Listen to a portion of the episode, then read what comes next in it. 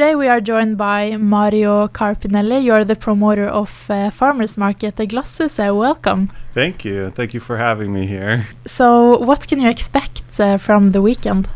Uh, well, we expect uh, for uh, something new to happen in Bodø, and that's where we are uh, bridging the gap, as we're calling it, between uh, local food producers and the consumer demand for more organic, local, fresh food, and creating a marketplace and hub for where Bodø could boast its rich Arctic food culture as well. Where did you get the idea to do this? Oh, well, I've been in touch with the Olav Thon uh, Gruppen at the Glasshuset, who manages the Glasshuset and Kokkjøpet Center.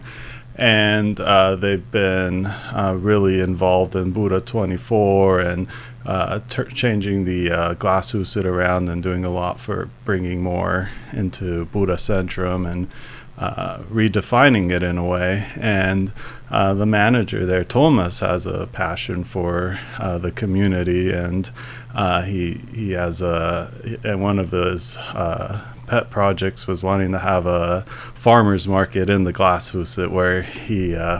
Said with a gleam in his eye how he wants strawberries and gulrot and potatoes all from Nordland to be here selling, and so I told him I could do that. I'm a promoter, and we could put that together. Uh, why do you feel it's so important to bring in like organic food and short traveled food? Yeah, I think there's a big demand for it. There's currently no convenient place where the consumer could get their own organic food without traveling straight to the farm itself. So we want to create a marketplace for that, and we believe this is probably the most ideal location in all of Nordland for it as well. Mm. Uh, what kind of food can you expect uh, to eat? So we have about 20 food producers. Uh, uh we have Nordlysbuen ch- uh, chili. Uh, they sell seasoning and chili, and we also have um, uh, Lofoten seaweed selling seaweed. We have strawberries from Bertney's Bed and Munsen Bar.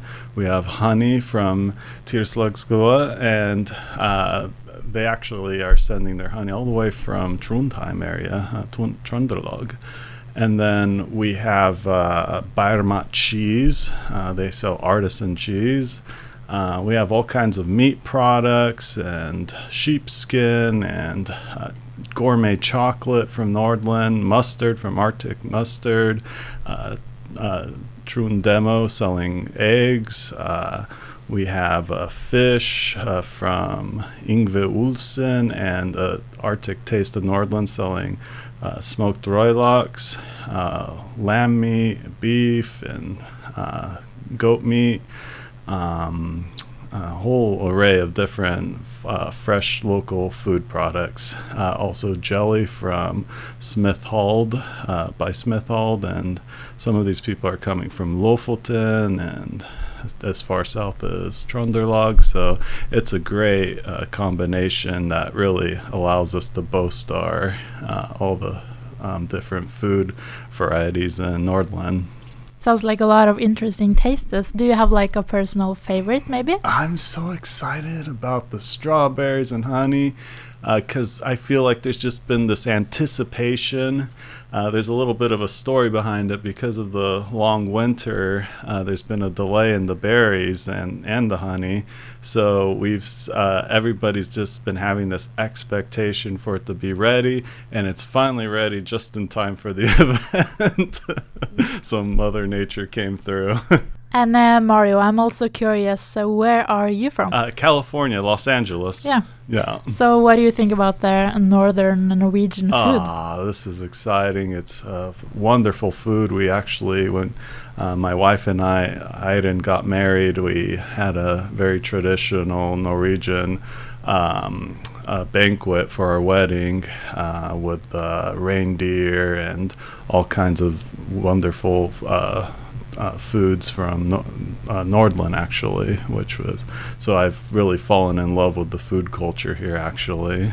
How is the Norwegian food compared to the American Californian uh, food? I would say things are more organic and traditional here. Um, I don't get me wrong, I love uh, uh, my American food. Every once in a while, I miss a good burger from McDonald's, but this is amazing uh, food. Absolutely. And why should people attend the farmers market? I think it's a great way to support your local community and farmers who are uh, producing this food.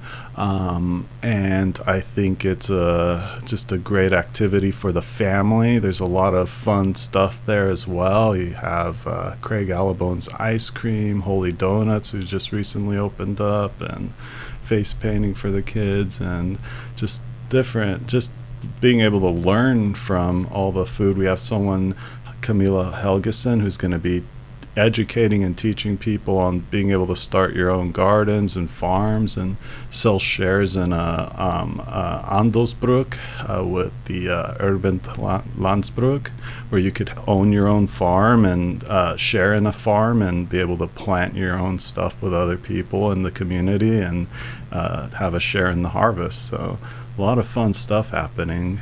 And uh, when and where is uh, this happening? So this is going to be this weekend, 21st and 22nd of Juli, and also the following weekend, 28 and 29 of Juli. Uh, Fridays from uh, 12 to 4 and Saturdays from 11 till 3. And it's going to be inside the Glasshuset, which will make it weatherproof and uh, and I think it's just a great uh, central location as well. Yeah, thank you, and uh, good luck during the weekend. Pleasure, Celia. Thank you as well.